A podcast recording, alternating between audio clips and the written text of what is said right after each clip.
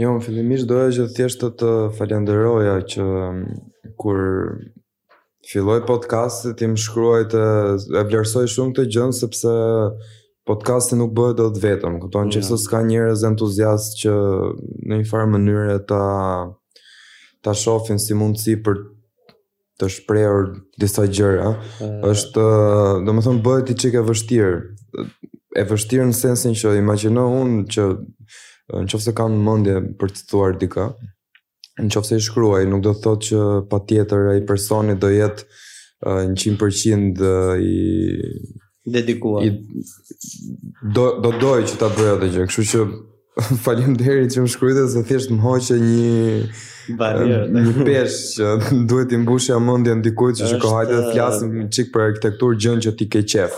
Tani gjënë që ti ke qejf do normal do ta flasësh, po sidomos edhe Titullin e ke gjet fiks, ti pesh zanor, domethënë është diçka që të ketë zë, domethënë se gjithë po. flasim, gjithë uh, diskutojmë, po asnjë gjë nuk bëjmë, domethënë po. uh, në fakt, uh, biseda jonë e fundit më interesantja ishte tek... Uh, promovimi tek, tek promovimi i librit librit Fragmente arkitekture, pra. Po. të profesor Armand Vokshit edhe um, um, kësaj website-it uh, po, Pikark, Pikark, që është shumë interesant. Uh, në fakt, pikërisht kjo ka qenë ideja ime, ato lloj bisedash në mënyrë informale që bëjmë t'i dokumentonim neve, po do ta provojmë një çik sot, nuk e di sa do të arrijmë dot. Mos e vrit mendjen, ideja është që diskutimet e tilla ta thashë bëjmë që të gjithë. Cheers.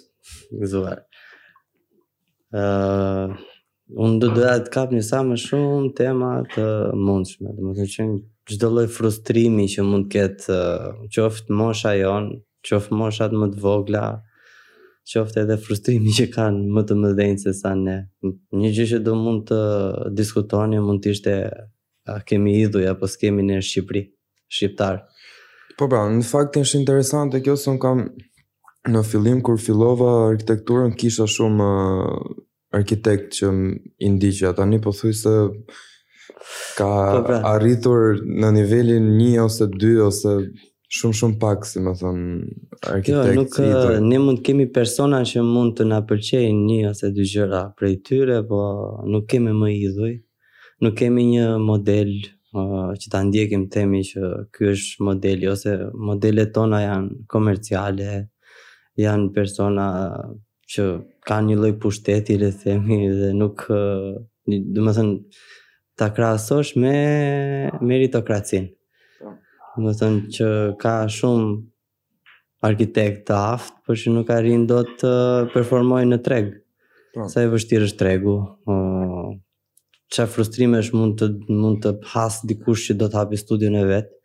Uh, jo vetëm dikush që do të hapi studion e vet, po edhe uh, dikush që Do të punojë në një vend po që ta përjetojë arkitekturën, jo vetëm të bëjë punën. Domethënë, a, a jep dot mendimin e vet tek ajo lloj industrie, po, po, a performon dot, sa i frustruar është orari, dinamika që ka zyra, Qoftë edhe për pjesën e studentave, për shembull, që unë kam qenë shumë afër, domethënë, e kam nis karrierën po, duke pra, qëndruar afër shkollës, duke bërë pa, po, detyra ashtu kursi. Ashtu jemi edhe njoft, biles në fillim, pa. Po. që ishe te, te Gugotsi në fillim, uh, aty të kam njoft për herë të parë, për, për, për të tjerë, domethënë, kanë qenë detyra mediokre, po mua më kanë dhënë shumë kontakte, domethënë flas edhe për atë kategori studentësh që ka qenë e ardhur nga rrethet që kur vijnë përballen në Tiranë nuk ka asnjë njohje. Unë vij nga një background personalisht pak i vështirë, nuk ta them historinë e jetës këtu, po. por... Uh, në qoftë se ke qejf? jo, është, uh, nuk dua të lotoj njerëzit, e kam personale dhe e ndaj vetëm me, me një numër të caktuar njerëzish, kur kam një lloj marrëdhënie. Por që domethënë, më shumë këto frustrimet që mund të hasim në arkitekturë dhe pse i hasim. Qoftë në nivel studenti, qoftë në nivel pune, qoftë në entrepreneur, domethënë, po, sipërmarrës. Po. gjitha këto kanë ato hallkat e veta që ka vështirësi. Unë do flas për eksperiencat e mia personale, të paktën ato, për shembull, që kam... Për shembull, ça frustrimesh janë tani kontemporane, për, të, për mua ka shumë, për shembull, Në fakt që unë dua të punoj shumë, punoj jashtëzakonisht shumë, punoj me orare të të zgjatura, jo vetëm unë, besoj se shumë njerëz punojnë si unë. Por në fund nuk ngelet gjë. Edhe është kjo pjesa që ti bën pyetjen pastaj a e vlen gjithë kjo lodhje ta bësh unë po punoj nga mëngjesi në darkë. Ndërkohë që dikush tjetër zgjedh një mënyrë më të lehtë për të bërë lek, ta zgjedh një lloj rruge edhe themi tjetër edhe ti thua ça po bëj unë me jetën time sepse unë vetëm po punoj po nuk nuk po shoh dritë në fund të tunelit. E ke fjalën që për shembull disa kanë pasur fatin që të kenë një po themi background.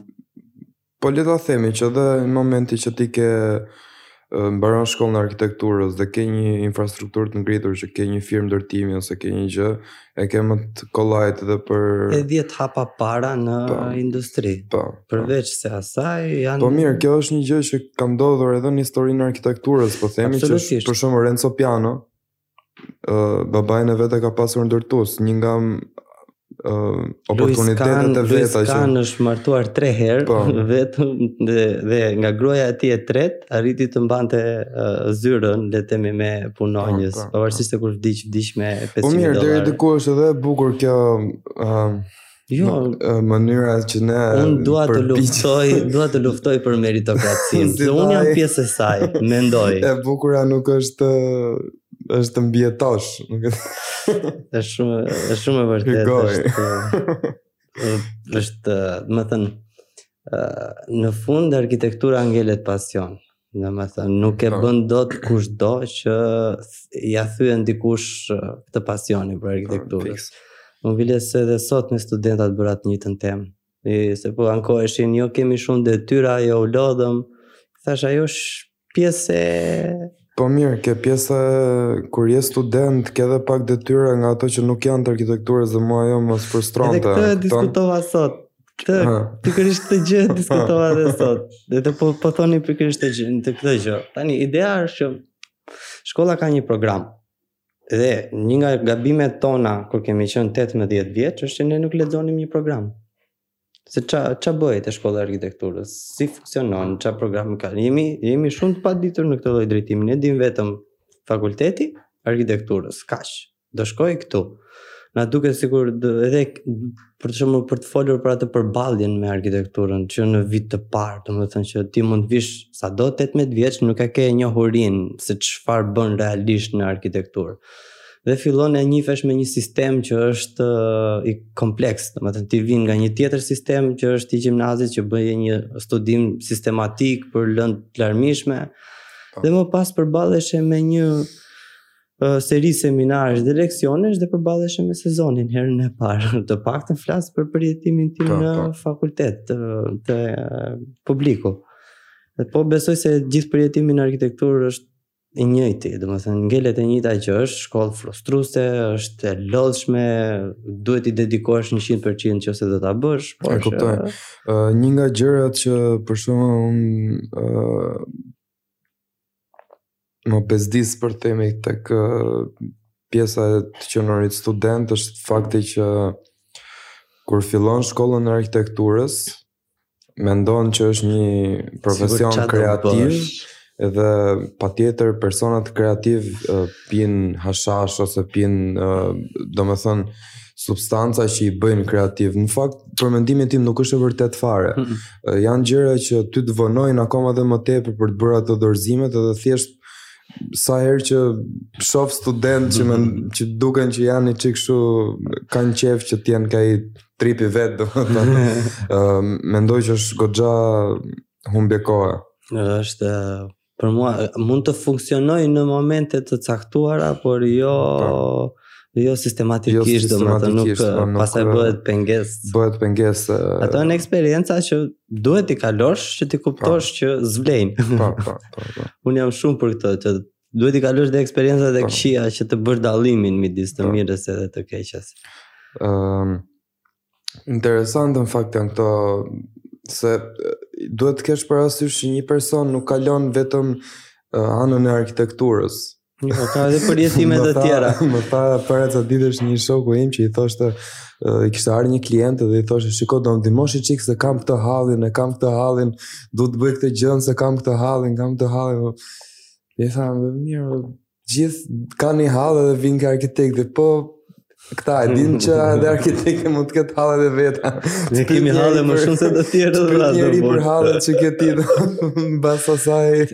Ose kjo pjesa, e kemi edhe ne ca halle të çuditshme, unë them gjithmonë shprehjen që ne arkitektët kemi dy punë.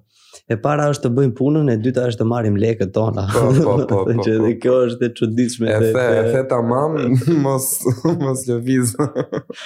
Domethënë është edhe tregu që është kaq kaotik, është niveli intelektual i klientëve është e rrallë që është një klient i cili e para vlerëson punën tënde, e po. dyta të lë dorë të lirë mbi atë që ti do të bësh. Po. Fakt nga eksperienca ime ka ndodhur gjithmonë që kur klienti ka bërë atë që do vetë dhe jo atë që i thotë arkitekti, më vonë është penduar.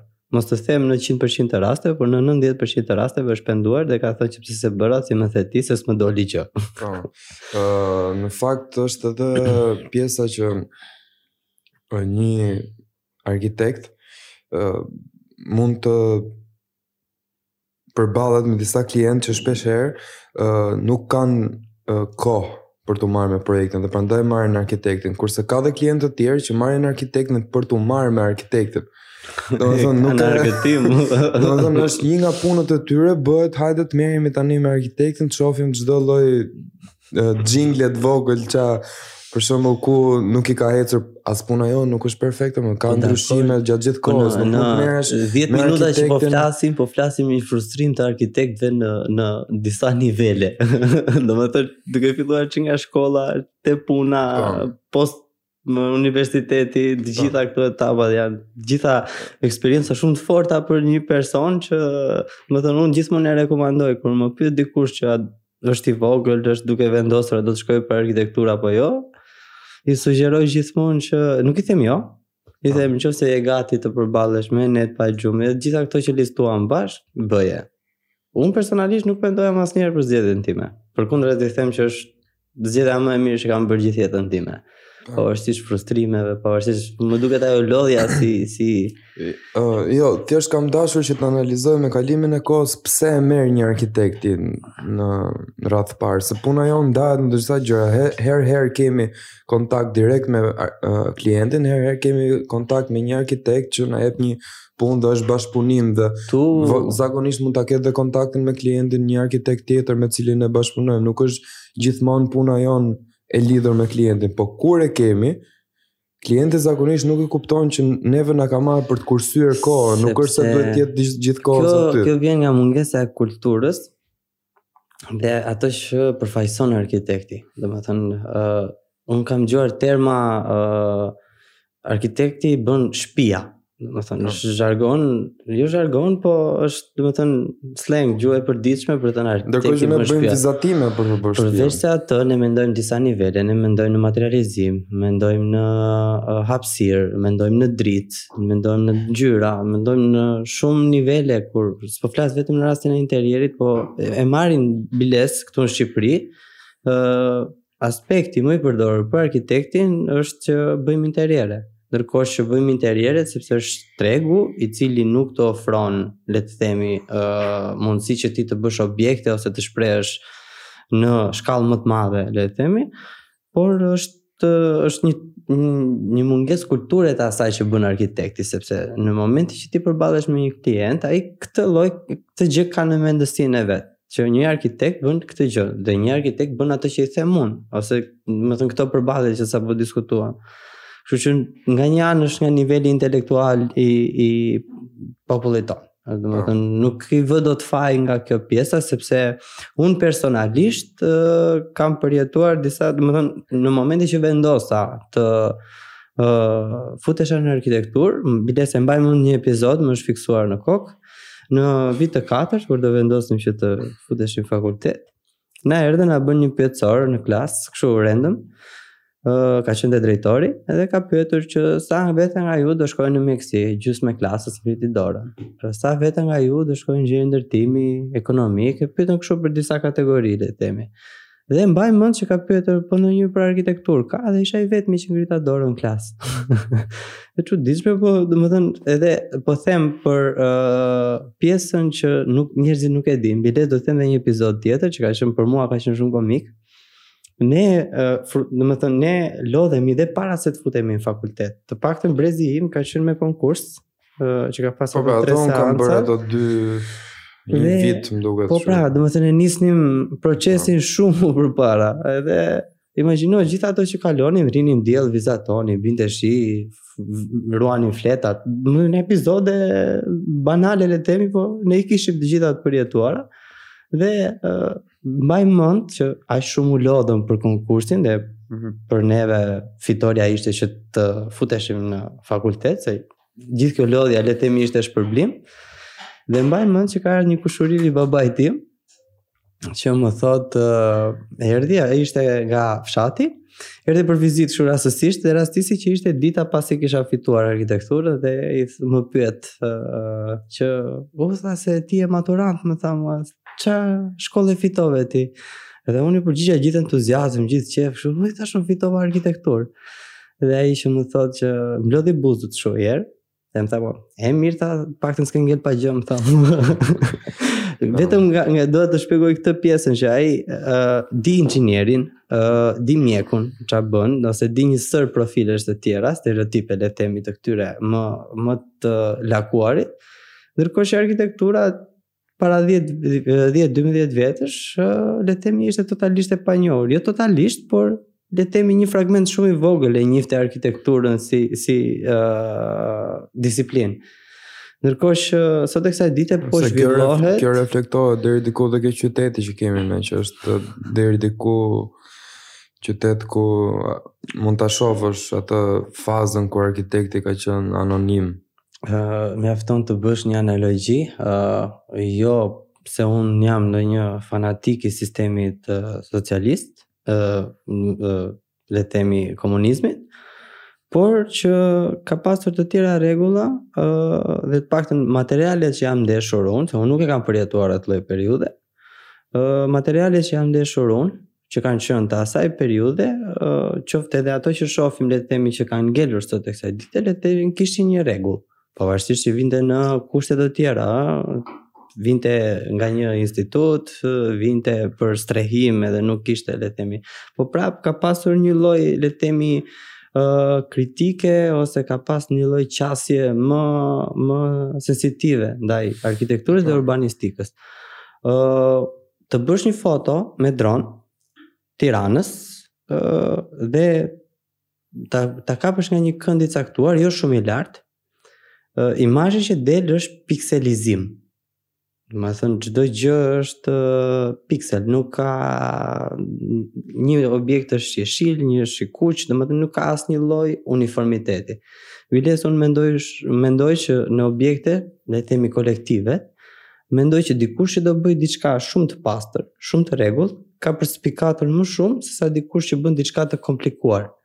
Po të bëjë njëri këtu, një objekt i cili është formalist, vetëm me dritaret, me një, siç është ku di unë në vende skandinave ose në Gjermani, të jetë super i rregullt, jo me dekore, uh, ka për spikatur shumë në Tiranë, Sepse këtu çdo objekt që ndërtohet është i fragmentuar, është i dyndur në materiale, në volumetri, domethënë bëhet gjithmonë ka ajo kërkesa për ta.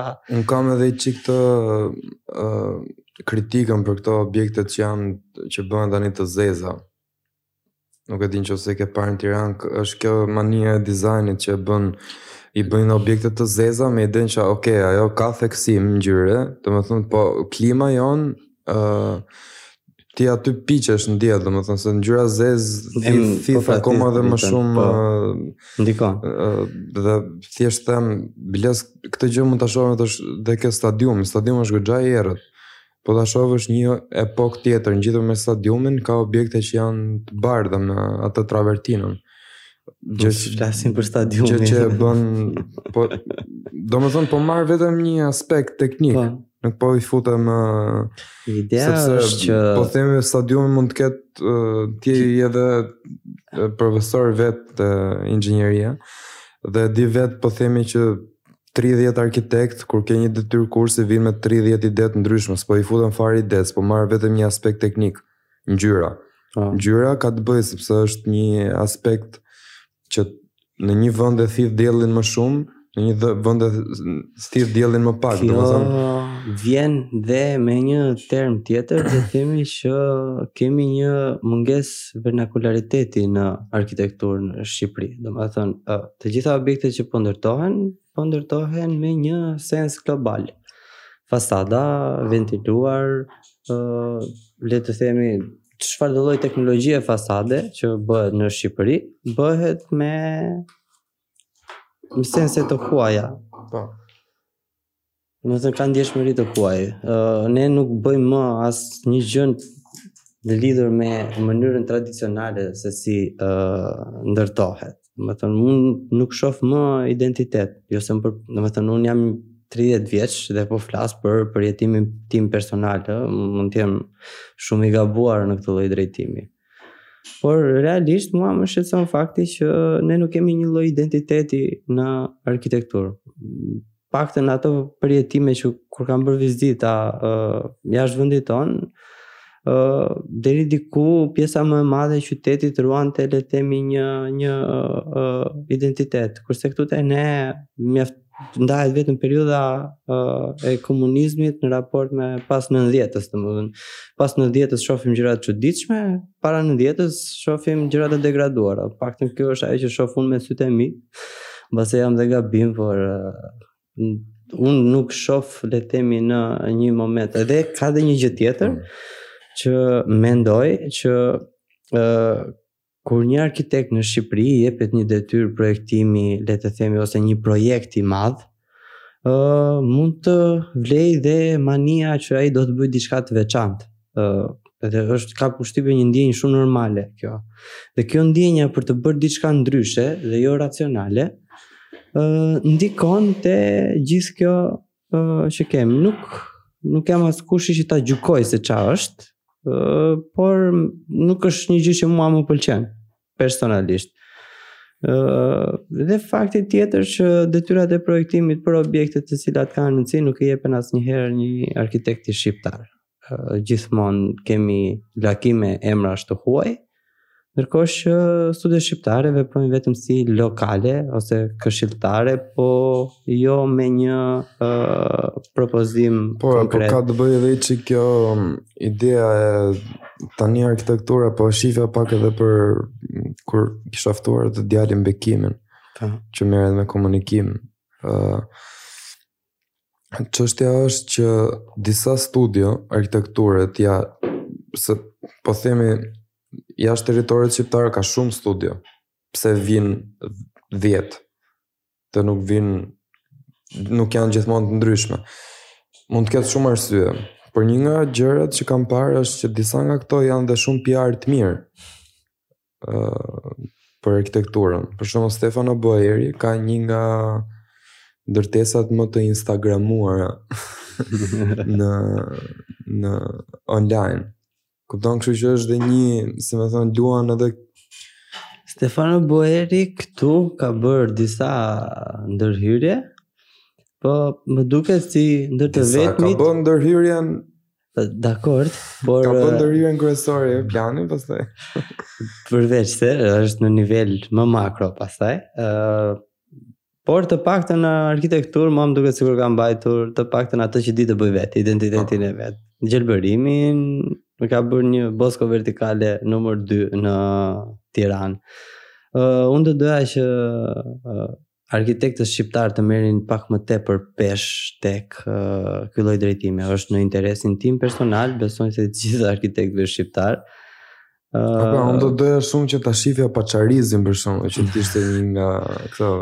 Unë uh, kam e po e shoj, kam pasur fatin e mirë që të kem uh, kontakt me Gëzimin, domethënë unë e kam dëgjuar për herë të parë te TEDx që ka qenë para disa vitesh që është zhvilluar në Shqipëri, ishte personazh komplet i panjohur për mua.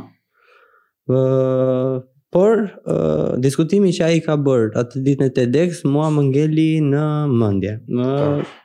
nuk nuk mendoja se do kisha mundësinë për ta takuar në një moment të dytë, është fshirë nga kujtesa, por ka ngel gjithmonë si mbresë, le të themi që ishte një personazh që uh, ishte në arenën shqiptare, ka bërë disa objekte, jo në shkallë shumë të madhe, por që mua personalisht më më gjallëruan.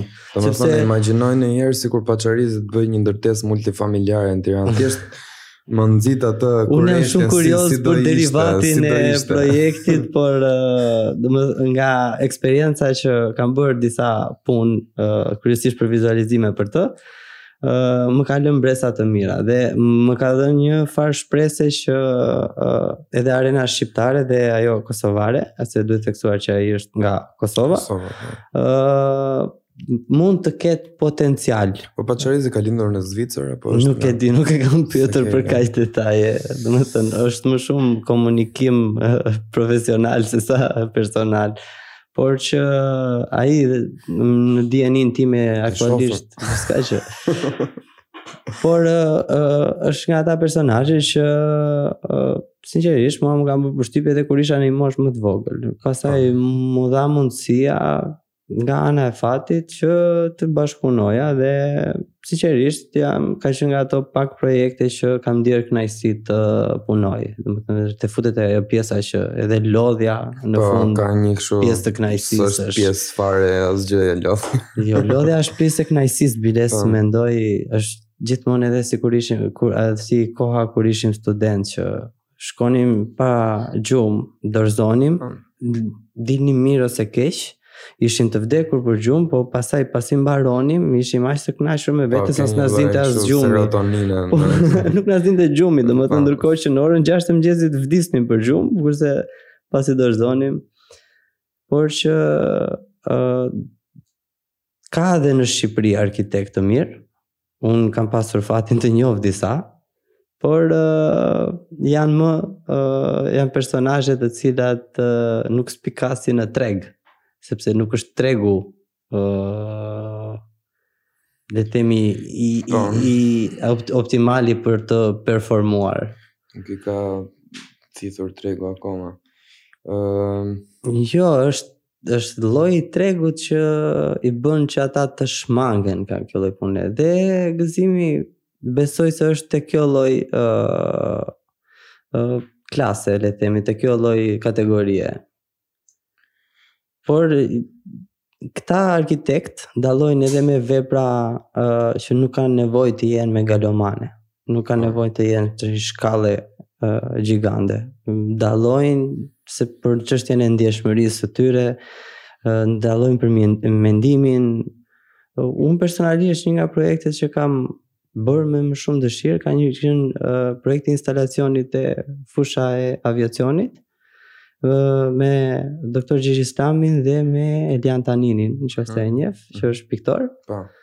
Që është një instalacion që personalisht Ajo, avioni, avioni prej letre, që ka qenë avioni prej letre i orientuar drejt perëndimit, se po ta shofësh maja, atë ndoshta nuk, nuk është vënë re kjo gjë, maja e avionit është nga perëndimi. Po. Domethënë ajo aspirata jonë e përhershme e orientuar drejt perëndimit. Ëm ehm, uh, ti tani je duke u marr me nga çka kam parë në Instagram ke atë extrudit. Po, dhe është faqja e printimeve, është një nga gjërat që unë merrem se e po. quaj veten me shumë pasione. Po. dhe një nga kuriozitetet e mia ka qenë printimi 3D. që para dy vjetësh kemi hapur faqen Extrudit, e cila është një faqe e cila uh, e kemi hapur vetëm për reklamime të produkteve të printimit tridimensional. Fillimisht uh, e kemi nisur bashkë me një shokun tim uh, për të bërë modele vetëm arkitektonike. Domethënë, uh, ishte një teknologi që unë uh, e njihja si uh, mendim ose si ide, por që në Shqipëri nuk ka qenë asnjëherë e zbatuar. Dhe nga kërkimet, para dy vjetësh kemi vendosur të marrim printerin e parë, uh, u njohëm me procesin, le të themi ne shqiptarët kemi diçka, kemi një pikë shumë të fortë që jemi autodidakt. Po, po. shumë autodidakt, domethënë kemi një një mënyrë të mësuari që nuk na jepet, por qoftë se e e çojmë mendjen te diçka që duam ta mësojmë ne ne kemi edhe një shprehje në shqip që profesioni vidhet po, po, po.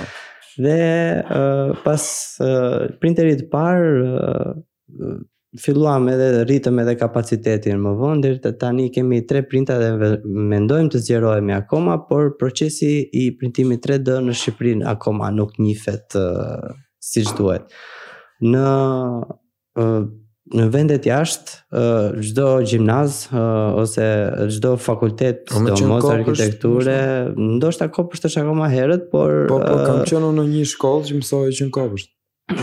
Dhe është një lloj procesi që nuk është i kufizuar vetëm në arkitekturë, pavarësisht se ne zbatimin konkret e kemi pasur tek modelet arkitektonike në arkitekturë, Uh, unë personalisht e mbaj veten si pioner të printimit 3D në arkitekturë në Shqipëri dhe të uh, prerjeve me lazer, dhe i kam eksperimentuar të paktën në dijeninë time kur nuk e ka bërë njeri tjetër, uh, të cilat uh, uh, janë gjëra që të ndihmojnë shumë te procesi që ti të mos lodhesh, të paktën me modelet arkitektonike. Unë jam marrë pasi uh, në përfundim të fakultetit dhe pak kohë pas përfundimit të fakultetit me modele, atë kohë i bënim për studentët të cilët diplomoheshin, le të themi, ai ishte tregu ynë i parë. Po.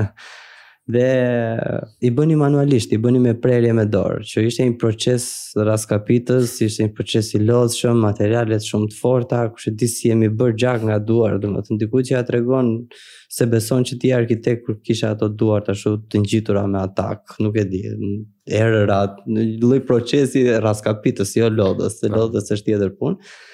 Dhe printeri 3D ishte një uh, largim nga ky lloj procesi kaq rraskapitës, le të themi, dhe uh, deri tani nuk na ka ecur keq. po është një proces që duam që të hapet sepse uh, të lejon eksperimentimin në volumetri, uh, kur gjeometria është e komplikuar.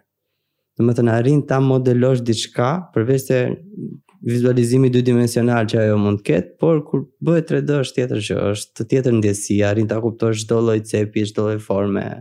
Është edhe shumë më shpejt, besoj. Dakord, ajo ka procesin e saj që zgjat, por në krahasim me çfarë mund ta bësh manuale, kërkon më shumë mendim në modelimin fillestar, pastaj në printim, por unë mendoj që zbatimi ose më saktë niveli i detajit, format parametrike që patjetër nuk bëhen dot, dot me... sepse uh, modelet e thjeshta mund të bëhen edhe me lazer dhe me prerje me dorë, kurse format e cilat kanë gjeometri të lakuara ose të komplikuara ose kanë një ritëm në faktor të, të caktuar zmadhimi dhe zvaglimi zvoglimi të le të themi të fasadës, gjithmonë uh, nuk arrihen dot me dorë Kurse ajo të jep mundësinë që të bësh diçka, le të themi, ashtu siç e ke që në model. Ë uh, unë kam bërë dhe disa projekte uh, që gjatë kohës karantinës, domethënë për çfarë është printeri 3D, përveç se zba, uh, impe uh, implementimit në arkitekturë, uh, së bashku me një kolegen time, Dea Buzën, uh, gjatë kohës pandemisë, kemi bërë një kontribut me 1000 maska dhe jo vetëm ne, ka qenë dhe një uh, sër uh, dhe disa njerëz të tjerë të cilët kontribuan që printim 3D kemi bërë 1000 maska të cilat i kemi dhënë uh, uh, fakultetit të mjekësisë dhe mjekëve në atë periudhë, të cilat janë shpërndarë në gjithë Shqipërinë. Super ë pa asnjë lloj kompensimi monetar, ka qenë diçka vullnet i oh. i yni dhe i një grup njerëzish të caktuar që kishin posedonin printera 3D. Se unë po shifja, më fal që po ndërpres, po i po shifja edhe këto kishin dalë kështu këto fajlet Që mund të bëjë edhe këto po. bombulat, mund të ndajë në 2-3... Po, domethënë praktikisht është një po. gjë, më saktë një tub, le të themi, i cili nga një gyp shkonte në 3, domethënë, Uh, biles unë kam dëgjuar dhe historira që në Itali e përdori dikush e printoi dhe e hodhën në gjyq më pas pasi mbaroi ajo vala e tmerrshme e vitit ah, po. kaluar që për çështje patentimi domethënë që është në një farë mënyre e drejtë nga aspekti i patentimit, mediokritet për situatën në të cilën ishte. Gjithsesi, ë uh, arritëm të bënim 1000 maska, ë uh, që ishte për ne ishte uh, feedbacku ka qenë uh, më shumë emocional sesa monetar zero. Gjitha i kemi paguar nga nga një uh, thirrje që bëmë, Pra kur nisëm të bënim një gjë të tillë, filluam modelet e para i kemi paguar nga xhepat tanë. Më pas bëmë një thirrje dhe më beso, është është e frikshme sensibilizimi i njerëzve. Ne vumë një target që ishte uh, 2000 euro, as e mbaj, nuk e mbaj mend shifrën, se as nuk e kemi pre, ideja është marrë me, me atë pjesën. Dhe është bërë në më pak se 24 orë. dhe kemi thënë stop, domethënë, që targetin e kapëm, sepse donin të blinin disa printera të tjerë, që të kishin mundësi dhe material, sepse dhe materiali kushton, dhe që të vazhdonin prodhimin dhe që të bënim sa më shumë. Paktën përjetimet që ishin atë periudhë ishin pak të frikshme, sepse ishte, besoj, gjithë populli nuk është mësuar me një situatë të tillë pandemie, ishte diçka e re për të gjithë dhe ajo paniku nga mosdija ishte e tmerrshme. Por që printimi 3D, siç e thashë, nuk është vetëm i orientuar në arkitekturë, është në çfarëdolloj le të themi gjeometrie e cila ti ty të duhet. Ke uh, modifikime makinash me uh, printime 3D, ke uh, Në mjekësi po e po siç e pamë implementimin.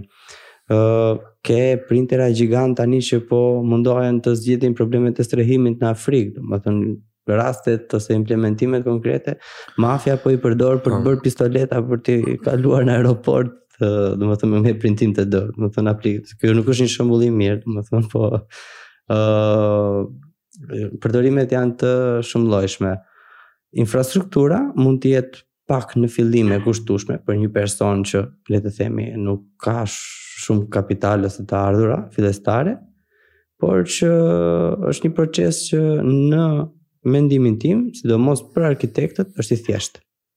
Përveçse librarive për shembull për një person që i cili nuk di të modelojë në një nga programet e softuerit të modelimit tredimensional, është mund të marrë modele të gatshme dhe t'i printojë është një proces shumë i thjeshtë.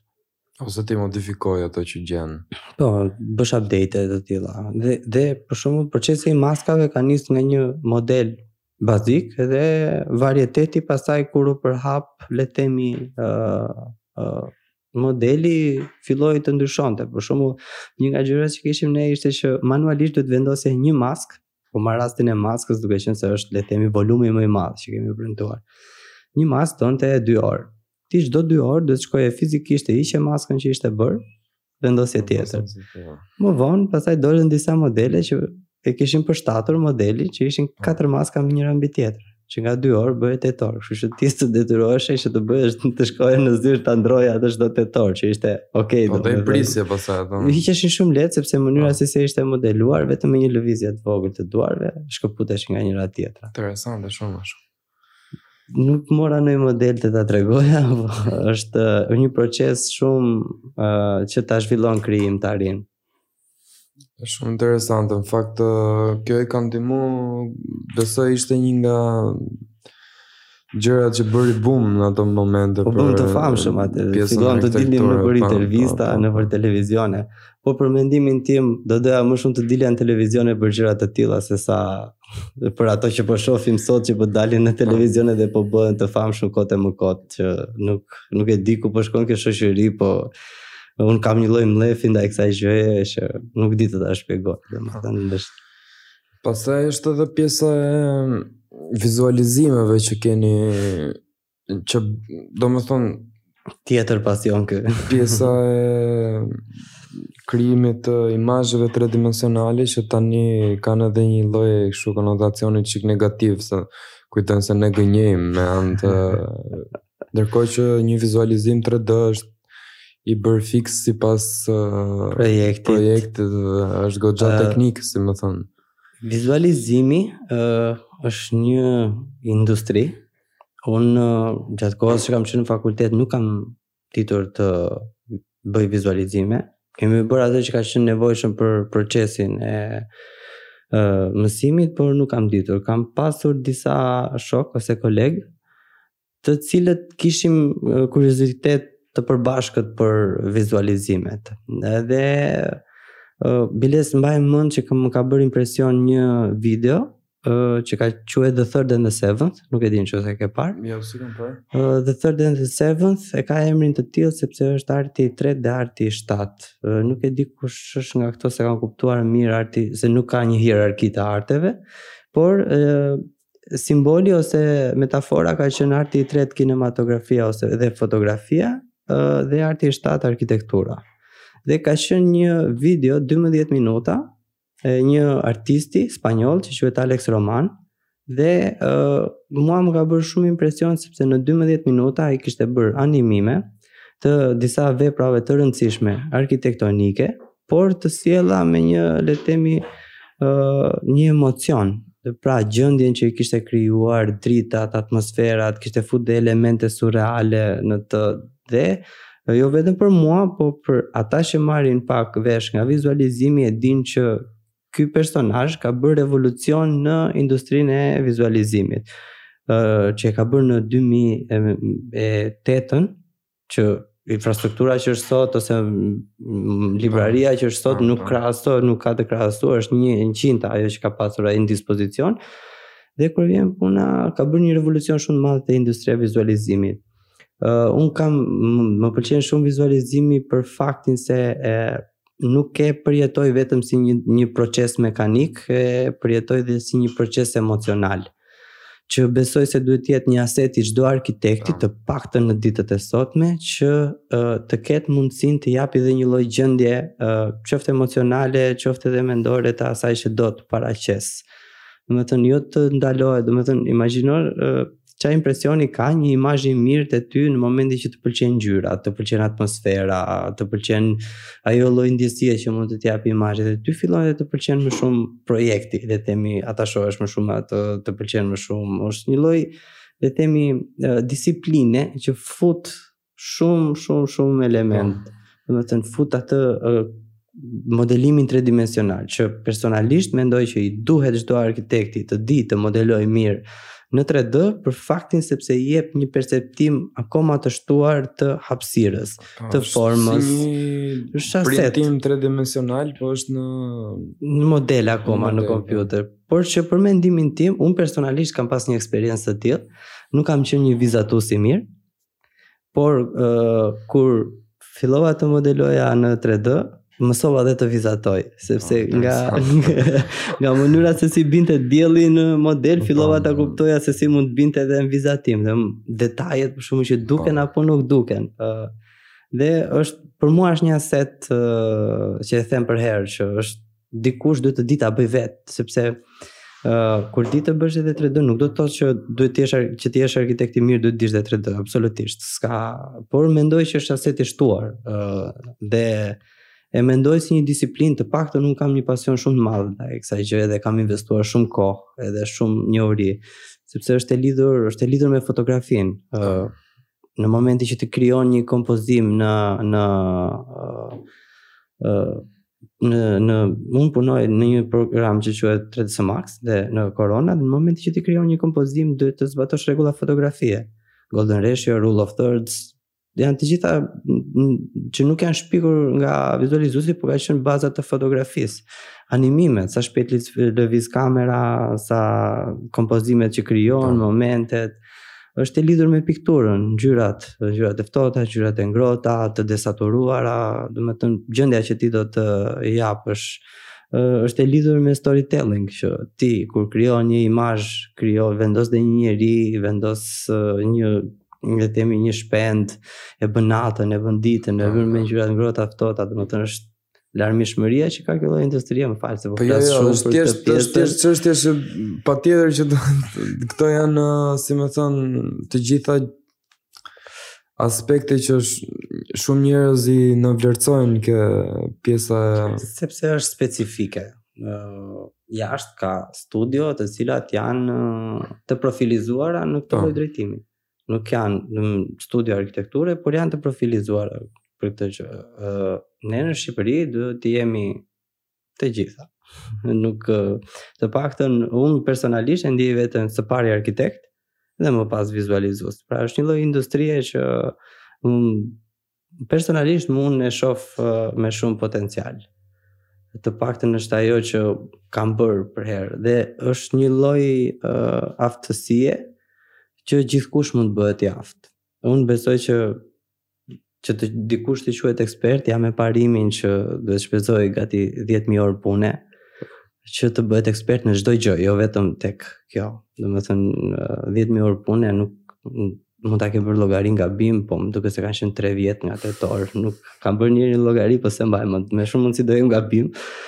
Por që uh, unë edhe jap uh, si mësim si pedagog i jashtëm te Fakulteti i Arkitekturës dhe uh, jap pikërisht uh, lëndët e vizualizimit. Është një lloj procesi që më jep shumë kënaqësi, ashtu si arkitektura, por le të themi në Shqipëri kemi dhe asetet e duhura. Unë shof shumë potencial, qoftë te studentët, qoftë edhe te disa kolegë të mi. Mendoj që ne në Shqipëri kemi shumë potencial. Biles vizualizuesit më të mirë në botë janë nga Ukraina dhe nga Vietnami që nuk janë vende le të themi shumë të zhvilluar apo për arkitekturë e ke fjalën. Jo vetëm nga ajo, por nga niveli intelektual, po prap potencialin më të madh e kanë këto lloj vendesh po. dhe mendoj se Shqipëria duke qenë se jemi në këtë situatë që jemi, në këtë gjendje që jemi, kështu siç jemi, prap kemi potencial. Mendoj që kthehemi tek ai diskutimi që ne jemi autodidakt shumë të mirë. Domethënë mungesa e infrastrukturës, aseteve, gjitha proceset. Po është gjë e mirë kjo në fakt, se na... Patjetër. Edhe fakti që për shumë kohë, për shembull disa nga këto infrastrukturat që janë për pjesën e vizualizimit, ne i kemi marrë në një farë mënyre në mënyrë jo legale. Jo legale. Dhe vazhdojmë i marrim akoma kam përshtypjen. Sepse vjen me ë uh, raportin e të ardhurave që kemi. Po. Domethënë këto lloj programesh ose këto lloj infrastrukturash ne nuk i përballojmë dot me kushtet që jemi. Dhe gjejmë çdo lloj mundësie le të themi që t'i përdorim. është e mira dhe e keqja që kemi ne në Shqipëri. Domethënë duhet të përshtatemi me me vendin që kemi dhe ne do donim të ishim një vend ideal dhe ne do donim t'i paguanim që të gjitha të ishim të gjithë të paguanim taksa të gjithë të investonim por jetojmë në një realitet që nuk është aq ideal saç mund ta portretizojmë po. që frustrohemi në çdo lloj hapi Domethënë, ne frustrohemi që kur futemi në shkollë, që kur futemi në fakultet, që kur dalim nga fakulteti, përballemi me, me atë kërkimin për punë, që në qoftë se nuk jemi orientuar, do përfundosh në një studio, që për mua impakti me studion e parë është shumë i nevojshëm që të jetë një ambient i mirë që mos të humbasi ai pasioni që ti mund të kesh. Po pra, se në disa raste më ka ndodhur mua për shkakun që s'ka qenë ideale. Është dhe për më tepër sepse është çështja e kulturës së studiove në Shqipëri për mënyrën se si funksionojnë. Në fund të fundit arkitektura ngelet le të themi biznes tek studiot. sidomos studio të cilat janë të mëdha që le të themi kanë një kapacitet punëtorësh të lartë, le të themi, dhe është e vështirë t'i kontrollosh 20 punëtorë dhe t'i menaxhosh. Unë kam po. përshtypjen nga kjo vjen. Ëh, uh, por ky frustrimi tek uh, puna jonë te arkitektura vjen në disa nivele. Unë kam qënë në disa studio dhe jo se nuk kam kaluar mirë, por do kishe do kisha gjëra për të ndryshuar nëpër këto studio. ë uh, Ideja është që uh, nuk jemi në pozicionin ose më saktë uh, studiot e mëdha shqiptare nuk nuk mendoj se janë në pozicionin për t'i bërë qejfin punëtorëve. Dhe mendoj se nuk flas vetëm për po. studiot shqiptare, por dhe jashtë shtetit kështu është në studiot e huaja. Unë nuk e kam përjetuar, e kam të dëgjuar, por ka njerëz që flenë në zyrë vetëm për të performuar mirë dhe për të rënë në sy. Pra, është ambienti i arkitekturës që e bën këtë uh, hostile environment, domethënë që të të, të jetë e tillë. Ë, uh, por përjetimi i një personi që del nga fakulteti me punën është uh, totalisht shumë shumë zhgënjys. Jo vetëm në Shqipëri, po, po është shumë zhgënjys. Unë po flas për Shqipërinë, le të themi që është ajo që ti përjeton. Është kam përshtypjen e njëjta ndjesi kur ti futesh në fakultet, që ke shumë ëndrra, të duket vetja sikur do bësh të bëhesh më i miri, vetëm po. me shumë iluzione dhe në momentin e parë që përballesh me sistemin, të priten krahët. Se di, për shembull, por në rastin tim, kam pas këtë problemin që uh, zyra e arkitekturës ku kam qënë i kërkonte, ia kërkonin projektet me shumë nxitim, dhe ato, dhe ato atë nxitim nuk e filtronin, nuk e nuk mundoheshin ta përpunonin. Po thua se fare me klientin. Dhe, po pra. dhe fiks, domethënë, uh, ok, ti që je drejtuesi i zyrës.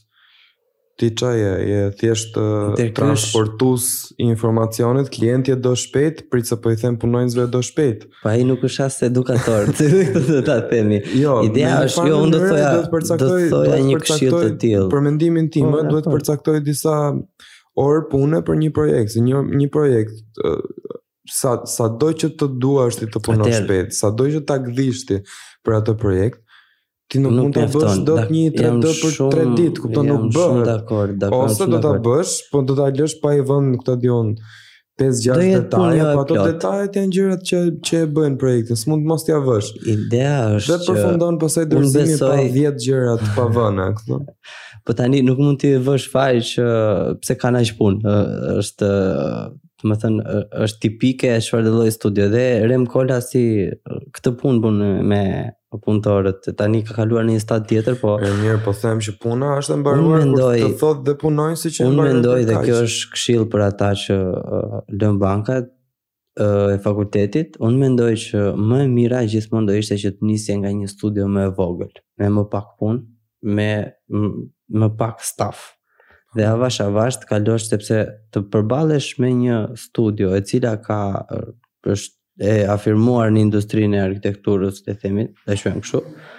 ë është e vështirë të përshtatesh direkt sepse shkolla nuk t'i mëson të gjitha dhe është e drejtë që të shkolla nuk t'i mëson të gjitha sepse shkolla i prek gjërat në aspekt teorik, Nuk është shkollë profesionale, të paktën fakulteti i arkitekturës, është merret në uh, akademi në nivele të larta, nuk merret me uh, çfarë është MDF-i le të themi ose një material i caktuar. Do të thotë nuk merret me gjëra specifike, merret një lloj trajtimi në nivel më ideor dhe dhe le të themi tipologjik. Edhe uh, përballja jonë me industrinë vjen nga një aspekt le të themi uh, mendor në një gjë praktike që është një gap shumë i madh për ta kaluar direkt uh, për t'u futur në punë. Uh, për mua unë të paktën kështu e mendoj, të kthesha pas në kohë do, do të ndiqja një rrugë tjetër, ndoshta. Por, uh, për mua është uh, zyrat e mëdha pa dashur t'i gjykoj ose një lloj uh, konflikti ndaj atyre ë uh, janë të tilla është i tillë ambient mund të mësosh shumë por besoj se nuk është mirë për një fillestar domethënë, duan le të themi një lloj niveli uh, eksperience pak më të uh, zhvilluar sesa dalja direkt nga bankat e shkollës, që është një fenomen le të themi që gjithkush punonjësit gjithmonë duan që të përfitojnë. Është më se normale, është të gjithë e kemi në mendje këtë, që përfitimin. Dhe ideja është që një student është më i predispozuar që ta pranojë një vend pune me kushte më të le të themi me me pretendime më të ulëta që të nisë le të themi karrierën e vet. Plus që ndikon edhe uh, elementi emër, brand, uh, studio. Pra, ku ke punuar, që mund të jetë themi një investim që të të shkosh të punosh aty dhe që të gjesh një punë tjetër diku tjetër. E kuptoj. Ndikon, është janë aspekte normale këto. Ajo që ajo që jam dakord, është fakti që po marrim një zyrë, po themi, s'po i vë një emër, po themi zyra X. Kjo zyra X, gjatë periudhës që mund të bëjë një, në një muaj, mund të bëjë 4 projekte, dhe të fitojë 100.000 euro, po mund të bëjë edhe 8 projekte, të bëshme janë dhe 8 projekte dhe të fitojë 200.000 euro. Tani, në qoftë se bën 4 projekte, këto 4 projekte do jenë shumë më të menduara dhe shumë më të përpunuara dhe kur do të dalin nga ajo zyra e arkitekturës do jenë shumë më me frymë sesa tetë projekte që bëhen në mënyrë shumë të shpejtë dhe të pamenduara mirë. Tani, kjo pjesa e të pamenduarit mirë të këtyre projekteve, ndoshta zyra nuk e ka si nuk e ka si problem. Po ti si punonjës, po themi që ke filluar punë te kjo zyra, nuk mund të kesh tre projekte të mbivendosura me njëra tjetrën pra se quhet mbivendosje puna. Domethënë për mbivendosjen e punës ka arkitektë që njoh për shembull që thonë unë dua kaq kohë për ta bërë këtë gjë, nuk dua më pak, sepse s'ta bëj dot për më pak. Dhe kam përshtypjen që disa projekte dhe të duash ti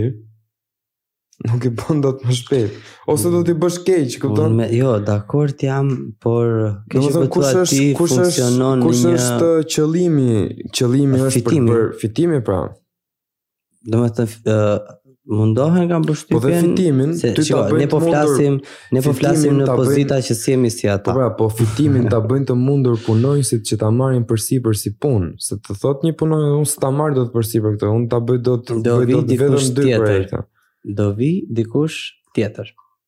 E kuptoj, po s'është shumë Kjo që ja sa të doja të shpjegoja. S'është shumë Unë s'thashë që është mirë, unë thashë ky është realiteti. Ë uh, tani, ajo që po thoje ti është le të themi uh, konteksti ideal ai me vakum që bënim tek eksperimentet e fizikës ose që merrnim le të themi një situatë që nuk ndikonin faktorë të tjerë, por ë uh, është një industri që kështu funksionon gjithandej. Është uh, një industri që le të themi në Shqipëri është strukturuar tashmë. Uh, dhe unë do të bëja një pyetje, po të ishim ne në vendin e atyre, si do bëni? Merri më shumë lek atij investitorit dhe bëj katër projekte. Puno ti, kupton ti që je drejtuesi i firmës, lobo ti me anë të aftësive që ke, merri më shumë uh, unë kam përshtypjen që investitorët nuk e di përballja jote, por uh, janë të vështirë. Jo vetëm në aspektin ekonomik. Ama se po t'ja justifikosh një çikë mirë, domethënë atë përmirësimin që i sjell projektit ajo koha një çik më është çik ndryshe. Unë mendoj që investitori bën uh, dhe në të drejtën e vet bën një llogari në metra katrorë, në ndërtim, uh, sa e shet dhe sa përfiton.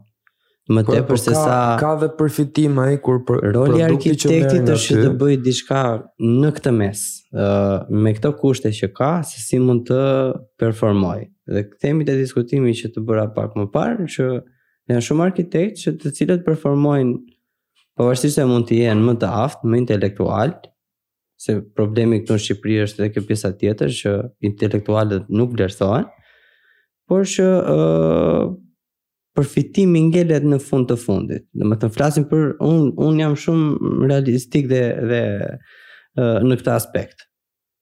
Domethënë që çfarë është reale dhe çfarë duhet bërë. Se dhe unë le të themi nuk arrij dot të kem idhuj në Shqipëri. Nuk kam një person në Shqipëri që të them që unë këtë arkitektin e kam idhull. Dhe mos të them që, që uh, arkitektë të cilët kanë projektuar le të themi më parë gjatë periudhës komunizmit janë ë uh, le të themi shumë më të ndjeshëm ndaj qasjes në arkitekturë se ata se ajo që ka ndodhur pas 90-s. Pa dashur të ofendoj askënd, por ë uh, të gjesh një shembull këtu në arkitekturën pas 90-s në Shqipëri, për ta marrë për shembull dhe të, dhe të thuash që ky këtë objektin janë uh, po të them sinqerisht me numër gishtash. As as një pëllëmbë për mendimin tim nuk arrihet. Nuk e di se çfarë do bëj unë edhe ti në karrierën tonë më vonë, mbase edhe ne s'do futemi te këto pesë gishtat, por uh, objektet e mira në Shqipëri janë uh, shumë shumë pak. Dhe ë uh, nga diskutimet që mund të kem bërë me arkitektët e këtyre objekteve, të paktën ato që mendoj unë që janë të mira, gjithmonë ato objekte që kanë dalë të mira kanë qenë konteksti që kanë pas një investitor i cili i ka thënë i ka dhënë dorë të lirë. Merreni dhe bëjeni. Pa qenë ngut, pa qenë vetëm ky ka qenë konteksti ideal ku mund të performosh. Gjithë pjesa tjetër, pastaj do ngelet dhe, dhe ka për të vazhduar që është industri. Se në fund është përfitimi, në fund është uh, ai aspekti financiar, duam apo s'duam. Pastaj unë mendoj që uh, mbase ka dhe shumë që nuk e bëjnë për aspektin financiar. Përpiqen po rezultatet apo absolutisht që ka. Por janë të rrallë. Domethënë ka njerëz të cilët në projekte të caktuara pavarësisht kanë studio të mëdha, në projekte të caktuara kanë pasur le të themi shkëndija të, të ë uh, le të themi rezultatit që mund të kenë pasur, që kanë dashur të bëjnë diçka, Por uh, fakti të pasurit kësaj që po thua edhe ti, shumë punë, mendoj që ndikon edhe te kjo pjesa e krijimtarisë, se në qoftë se ke tetë punë, nuk mund të bësh tetë ide të ndryshme. Domethënë, ka ca gjëra që do përsëriten, ka ca gjëra që do anashkalohen. Është një lloj procesi që krijimtaria fillon edhe ë uh, le të themi reduktohet. Kështu që është e vështirë, prandaj mendoj që nuk performon, jo se tregu shqiptar nuk ka arkitektë të aftë. Mendoj që kur vetë kur është aspekti ë uh, le të themi i industrisë në arkitekturë ndikon shumë financa. Jemi, ta themi, një popull përgjithësisht i varfër, nuk jemi një popull të gjithë të pasur, ë uh, Ky është konteksti nëpër të cilin jetojmë, sidomos për neve që jemi në këtë moshë që e kemi shumë të vështirë të performojmë. Ë ti e shef se si është tregu, sa e vështirë është të kapësh një klient, saqë edhe një nga gjërat që ne kafshojmë buzën gjatë marrëdhënieve me këta klientë është fakti që ose do më sjellë edhe një klient tjetër, ose ta mbaroj këtë punën, mos ta prish, Dhe ta thash edhe më përpara që ne arkitektët kemi dy punë. E para është të bëjmë punën, tjetra është të marrim lekët tona. është është ky është realiteti domethënë se ne ne kemi dhe një lloj qasje të tillë që ne sikur kemi gjithmonë frikë të kërkojmë atë që na takon. Po po ja, jo, duhet me fillu në fakt nga ajo. Jo, absolutisht sepse ndodh diçka që uh, gjithmonë kontratat me klientët bëhen në aspekte verbale. Po, po. shqiptarët. Domethënë ndryshe është kur ti ke një kontratë, se dhe ai friksohet edhe ti friksohesh që do bësh uh, punën, vërtet të rrallë janë njerëzit të cilët duan kontrata, uh, po gjithmonë ngelet në aspektin verbal. T'i kam, i ke. dhe më vonë, uh, kur vete pjesa po. që ti mbaron punën, i, i, i afrohe gjithmonë kështu si me gjysëm zëri që Po ato lekët kur do i marr, kjo është, kjo është realiteti. Albana, shumë rrofsh që erdhe. Dhe shpresoj të kemi dhënë një lloj kontributi sado të vogël të... Uh, unë mendoj jo. që uh, ne kemi folur shumë pak në krahasim me ato që realisht duhet të flasim. Po, po do flasim prap, thjesht... Shpresoj mos kemi ofenduar askënd. Jo, jo, uh, nuk është çështje ofendimi, është thjesht çështje që Po themi, ne e dim që të dy, dhe ata që na dëgjojnë, ke pjesa e personave që janë te fusha jonë. Uh, historia e arkitekturës është e mbushur plot me hallexhinj arkitektë që stërmundoheshin për të arritur anën financiare thjesht për ta bërë atë projektin e mirë në fund ditës dhe kur shef për shembull studio që marrin e marrin e marrin e marrin punë nga ana tjetër s'din ku t'i çojnë lekët thotë po prit, mos, se e kjo është ka kjo është ajo fabula me kuçedrën te burimi që janë ulur aty dhe nuk e lën as të pikojë kupton jo në në këtë sens e kam që shiko mos merr tetë punë valla merr 6 dhe nuk pagon... funksionon kështu duam të mos jetë ashtu po e di tani t'i bëjmë thirrje jo jo thjesht është çështje që pastaj Mos t'i vijë keq asnjërit që na pëlqejnë pastaj studiot e vogla dhe janë më interesante. Besoj se po. jo, kam pa kam po fus tu dhe Bjarke Ingels, domethënë që është një nga arkitektët që kam do të them edhe këtë që mos ta zgjasim po. më tepër, unë personalisht Bjarken e kam uh, uh, e kam njohur para 10 vjetësh, 11 vjetësh, kur nuk ishte bërë akoma uh, superstar, ka qenë në një uh, TED Talk dhe ka folur për projektet e veta dhe personalisht në atë moshë jam mahnitur, le të themi për atë qasjen metaforike që kishte oh, simbolet, oh. mënyrën se si bënte storytelling që m'u duk shumë shumë uh, komik, domethënë ishte me të vërtetë një impresion shumë i mirë. Dhe kur ka ardhur në Shqipëri për uh, parlamentin në mos gaboj oh. për konkursin, uh, i kam marrë një firmë vetëm se e kisha e njihja shumë dhe ai biles mbaj mend që është çuditur në atë periudhë që dikush nga Shqipëria e kishte fans. Por uh, uh, personalisht gjatë rritjes së vet si arkitekt uh, ka filluar një ta përsërisë veten uh, dhe e dyta, uh, domethënë, është konteksti që kush jam unë që të gjykoj Bjarken, ëh. Po, po. mendim personal është uh, që është lloj i industrisë që bën transformime të talentit ose të uh, njerëzve, mendoj. Po. Uh, unë të përgëzoj për emisionin, uh, sinqerisht, uh, uh, mendoj që një iniciativë e tillë është e rrallë, shpresoj që Unë e kisha le të themi, mendoja se do ishte diçka shumë e sikletshme, por absolutisht domethënë më bëhet qejfi që erdha. Ë uh, do kisha shumë dëshirë ta vazhdoje gjatë këtë lloj procesi, ta them me, uh, me sinqeritet. Shpresoj, shpresoj thjesht që këto të Nikon, mm -hmm. që kanë nxjerrë këto kamerat, të bëjnë disa quhen dummy batteries, që nga bateria nxjerr një fishë dhe futet në prizë, se thjesht është një çik uh, e sikletshme që mes të një fjale që ne mund të themi diçka shumë ndërmjet. që mund të ketë shumë kuptim të ndërpritet ajo dhe më është më mirë që ta ndajmë për shembull vjen sot vjen një ditë tjetër dhe flasim për po që është regjistruar dhe se imagjino të ndërpritet një gjë shumë e bukur që ne po themi, për shembull nuk do ishte fare ë uh, gjë e mirë. Se, unë shpresoj sinqerisht ta vazhdosh të zgjerosh le të themi klientelën. ë të kesh sa më shumë njerëz që duan të japin një zë, Edhe titullin e ke gjetur tamam, tamam të përzanor. Uh, mendoj se është do bësh si si më fal dhe nga mjekra si ai vendi rrëfimit që të paktën arkitektat do vinë dhe do qajnë hallet domethënë që kanë kështu që ishte do vinë nga ato që s'kan halle më. Po, shpresoj jo un besoj që të gjithë kanë halle un nuk mendoj që Njerëzit s'kan halle. Ja unë besoj se ka dhe nga ato që s'kan jo, halle. Jo, më beso, edhe ata që... Nuk... halle të tjera, por po halle arkitekture të paktën. Halle janë dhe ato, luaj me gjëra më të mëdha, kështu që nuk, nuk i vë faj askujt, ne do diskutojmë atë që na, na prek. Patjetër. uh, për gjithë ju që doni të dëgjoni episode të tjera për shembull si kemi Albanon sot, që është një entuziast shumë i madh i arkitekturës edhe i vizualizimit edhe i printimit 3D, bëni subscribe në kanalin ton, në YouTube ose në Spotify dhe dëgjohemi herë të tjera. Ciao ciao. Ciao. Thanks Albano.